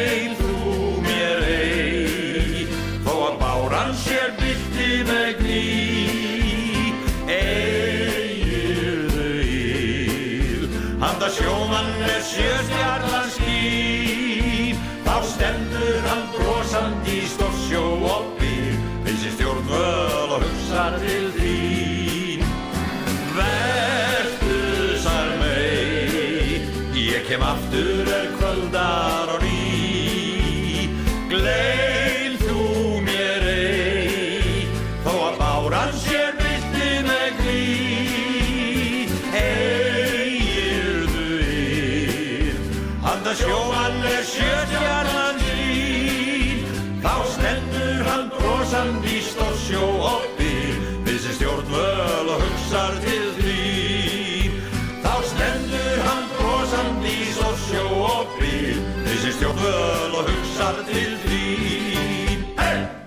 Ja, vi tar du her Ragga Bjartna, eller Ragnar Bjarnason, vi er som fra Løyga Slagarnon, Vertu Seil Mei. Kontiki, der var jo a patle her av egenon i fjør, og der hava nekvar gauar slagarer. La du her høyre ein, du får tro hva du vil. Musikk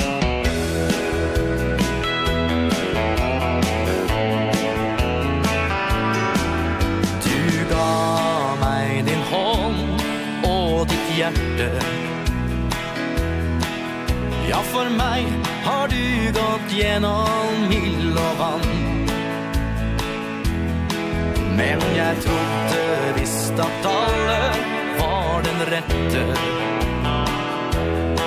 For jeg flørtet jo så fort jeg fikk en sjans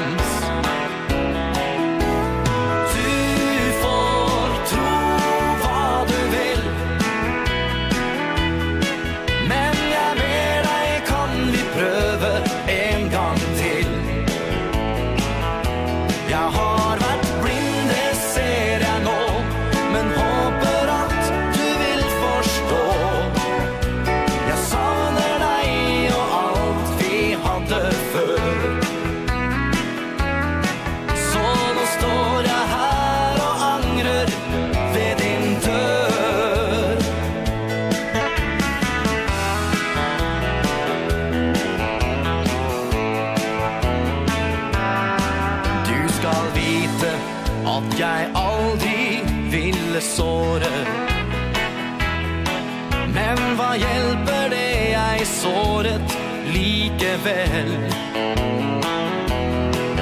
Hver gang jeg lot meg friste over dåret Ja, jeg forstår at du fikk nok av mine sprell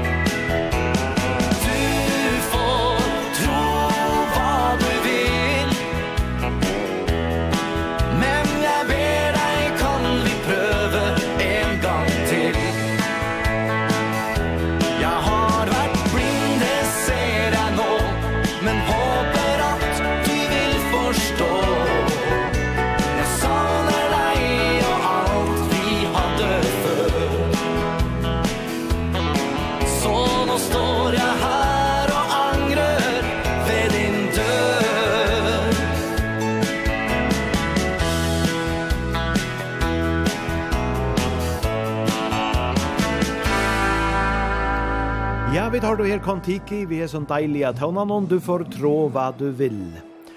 Og så tega vi den gåan vi Torleivs attor, hesen eitor, ekvelia hoskande, opp til dans.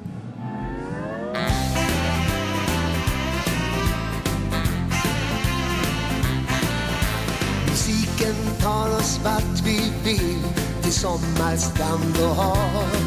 Du kan sveva runt till tonerna glömma alla krav. Dagar kom och gick igen Och nu är veckan slut. Äntligen är helgen här. Dags att blomma ut. Vi bjuder upp till dans. Och som vi har längtat. Vi bjuder upp till dans. Och som vi har längtat. Så gå med mig, kom ta min hand. Nu har vi vår chans. Det är fredag kväll och vi bjuder upp till dans.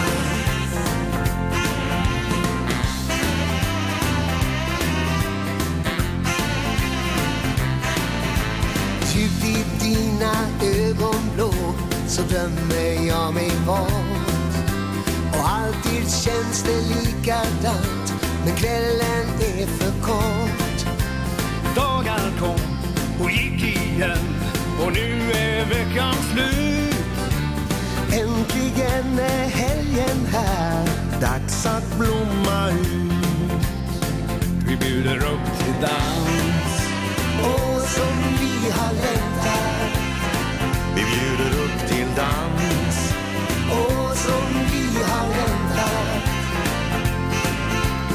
gå med mig, kom ta min hand.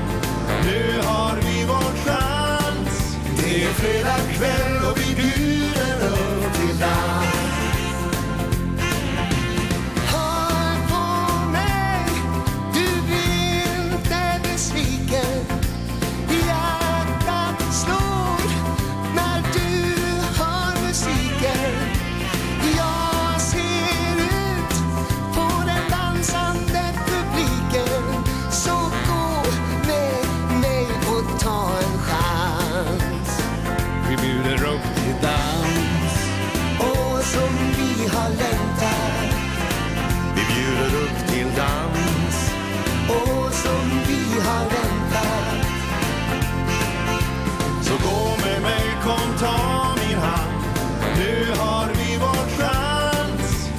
fredag kväll och vi bjuder upp till dans.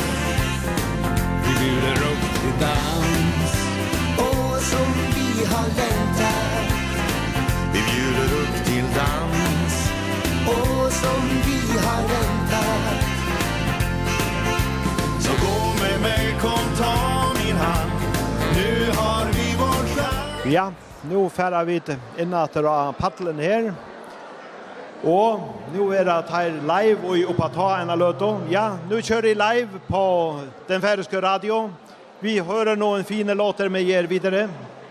Det skal bli mer fine låter, og vi er som sagt på direkte på luften. Det sendes radio i kveld, og det er live for dere, og dere er på dansegulvet, og det er jo så flott å se. Vi har masse fine låter med oss, Steinar. Lille Vakrana. Syng med hvis dere vil. Her kommer den. Vær så god.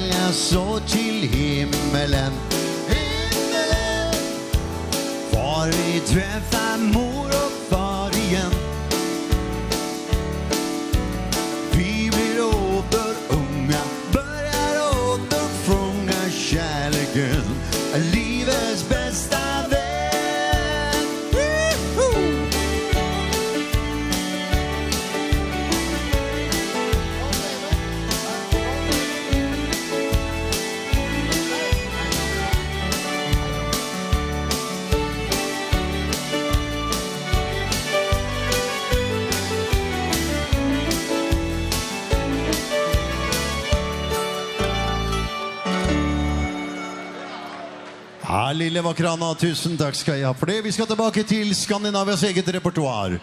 Neste melodi er skrevet av Steinar for 25 år siden. Dere kan melodien, det er bare å synge med. Hei, gamle venn! Vær så god.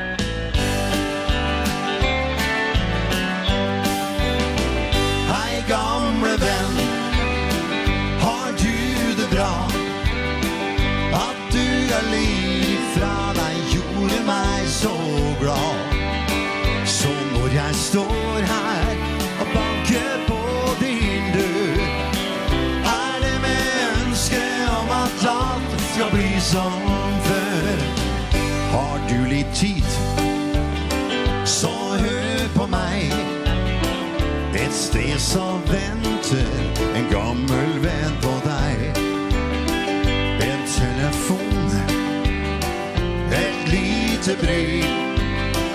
Det var så godt Å lese linjene du skrev.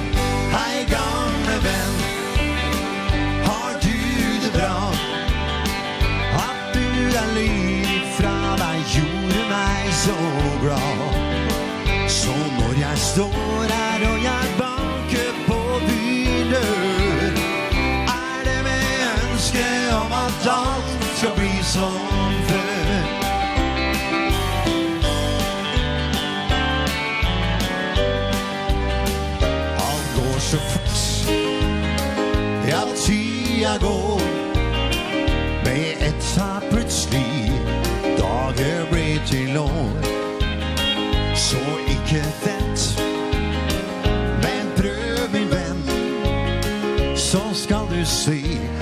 allting ordner seg Er det klare? opp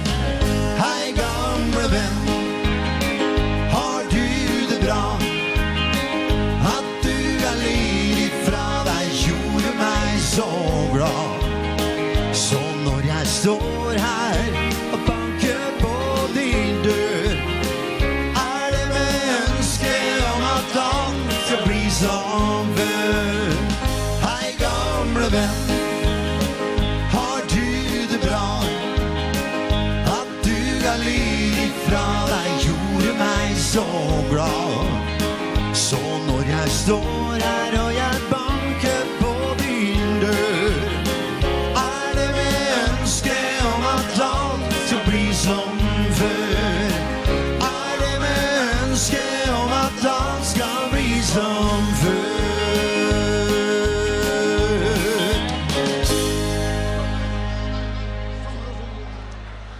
Amen, tusen hjertelig takk skal dere ha. Hyggelig å se at dere fremdeles er ute på gulvet. Vi fortsetter med Skandinavia-musikk. Steinar har skrevet også neste melodi.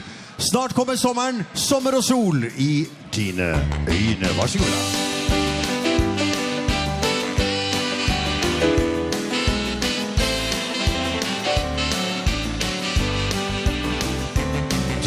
sommer og sol i dine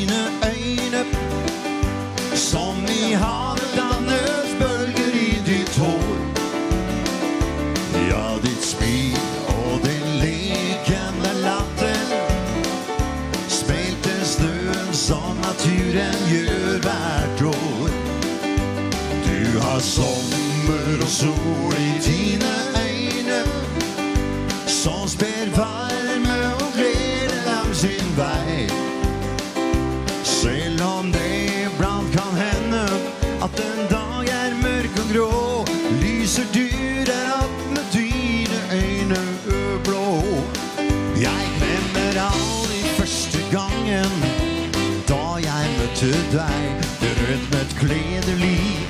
jeg bød opp til dans.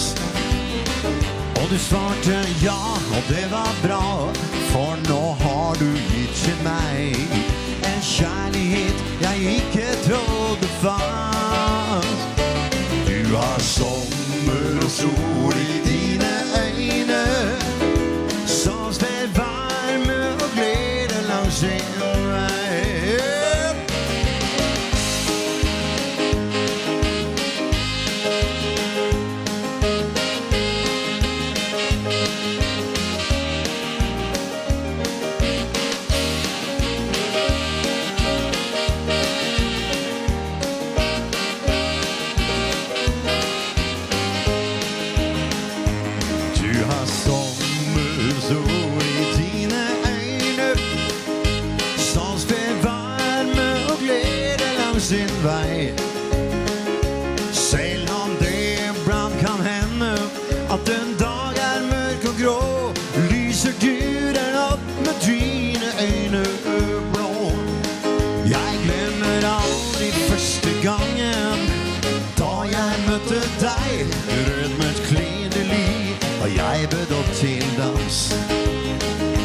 svake ja, det var bra.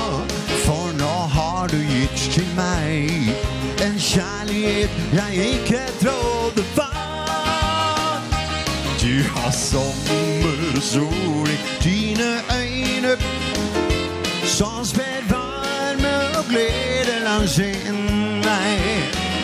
Som sped varme og glede langs en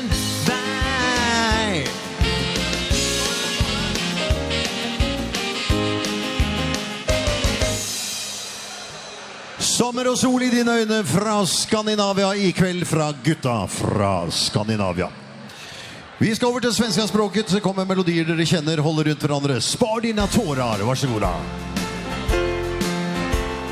Spar dina tårar, jag ber dig. Spar allt det vackra som vi har. För även om jag måste resa Så stannar mitt hjärta kvar hos dig.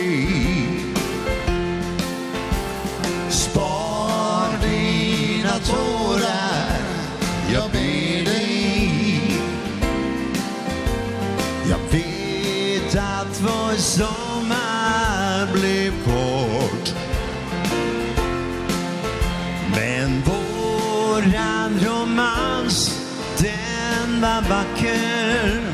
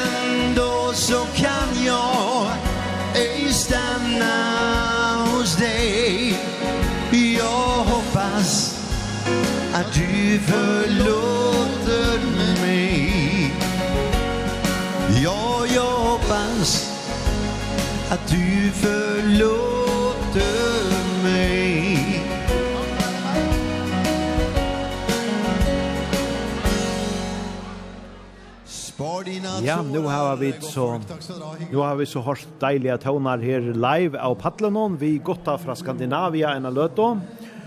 Og tar man hevet det allar best, ja, ta fer tøyina renna undan, så vi fer an narskast enda noen av hese beinleis oppa ta sendingene. Gotta fra Skandinavia, tar er og Anna av høvesnøvnen noen i år, og tar jo tar bæger Steinar Storm Kristiansen og Terje Morstad, som Og i 1908 forstående av dans- og Skandinavia, som manna hesa fra løg og doettene. Og der byrja var spela saman i 2012, at han har et Skandinavia gauost i 2012. Der har vært her tverferner fyrr av egenom, 2016 og 2019. Og så nu atter fyrir tredje fer.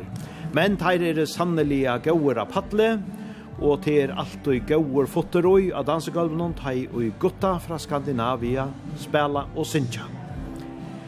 Men i halte jeg vi færa teka at han uh, vant det av eret han nast seinaste sangren her i kvöld. Og til av eret ein som vid uh, reilige nøyast spela tog han er så gauur og han relaterar til hesa fantastiske ødna ja, som Sundrid sier Jane og gara flotte odds Lad oss gå her og høre Doodlebox vi Lennon Soderud.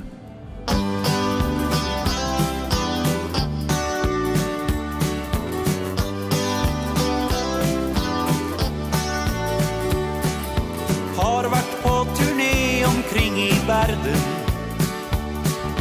Mange vakre steder har vi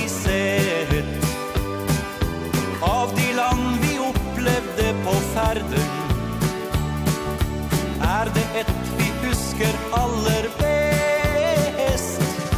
Vi vet om et deilig sted.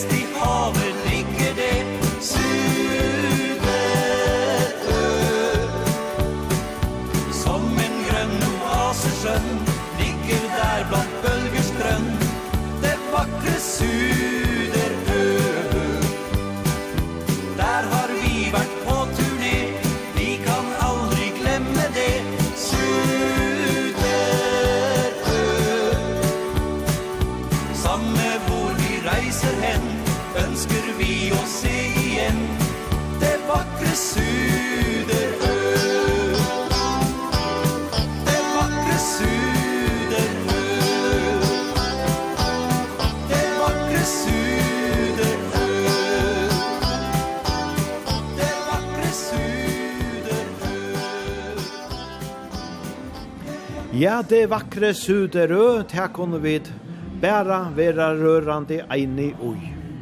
Og hetta var som sagt den nast seinaste sangeren i kvöld, og i hese beinleis og patasendingene ur vaje. Og vi færre at takka fyrir åkon og fyrir et fantastisk kvöld og ikkje minst fyrir blusskapen som alltid er i hasæde taiman kjem til voks. Og som teipa i søtto, Sundrit og han Jack Hjelm så er det jo negv go folk at han fyrir festivalen som gjør han møvelian. Og så er det eisene Saturday og det er sikkert og visst ein gauur stål fra Vox kommune som gjør dette tiltakje møvelit Og det er at jeg eisene en av hjertens takk fyrir Ja, det virkar som om ødel voksbygd stendes herman om just dette. Og i kveld var det video på ta, og kontrast og gutta fra Skandinavia som åtte paddelen. Og i anna kvöld var det så han sjakk hjelm og vimmen som ta atter saman vi gutta fra Skandinavia færa spela til dansen. Og det er ikkje minne spennande og godt. Teknikere kvöld, ja, det var som vant her Bjarne Johansen vi pulten, Og høgne Fakraberg var i havn, og i høtlene var det så åttende strøm fra ljøtøkne som størte ljøene. Og vi færa nu er rundt av, just som vi pleia, vi intes sangenon tja Elise Sala. Ja trådde englarna fanns, og til vere vi Ole Ivars og Kiki Danielsson. Takk fyrir tid som hava dansa her, og tid som hava lurta og dansa saman vi og omkring landet. Vi innskja ein framhaldande gåan dansebandsfestival. Her er og Oli Ivars, vi ja trådde englarna fanns.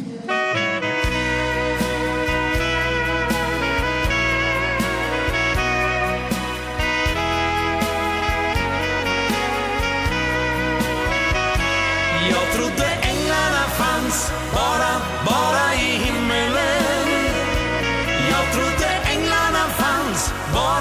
vara i himmelen. Men det var innan jag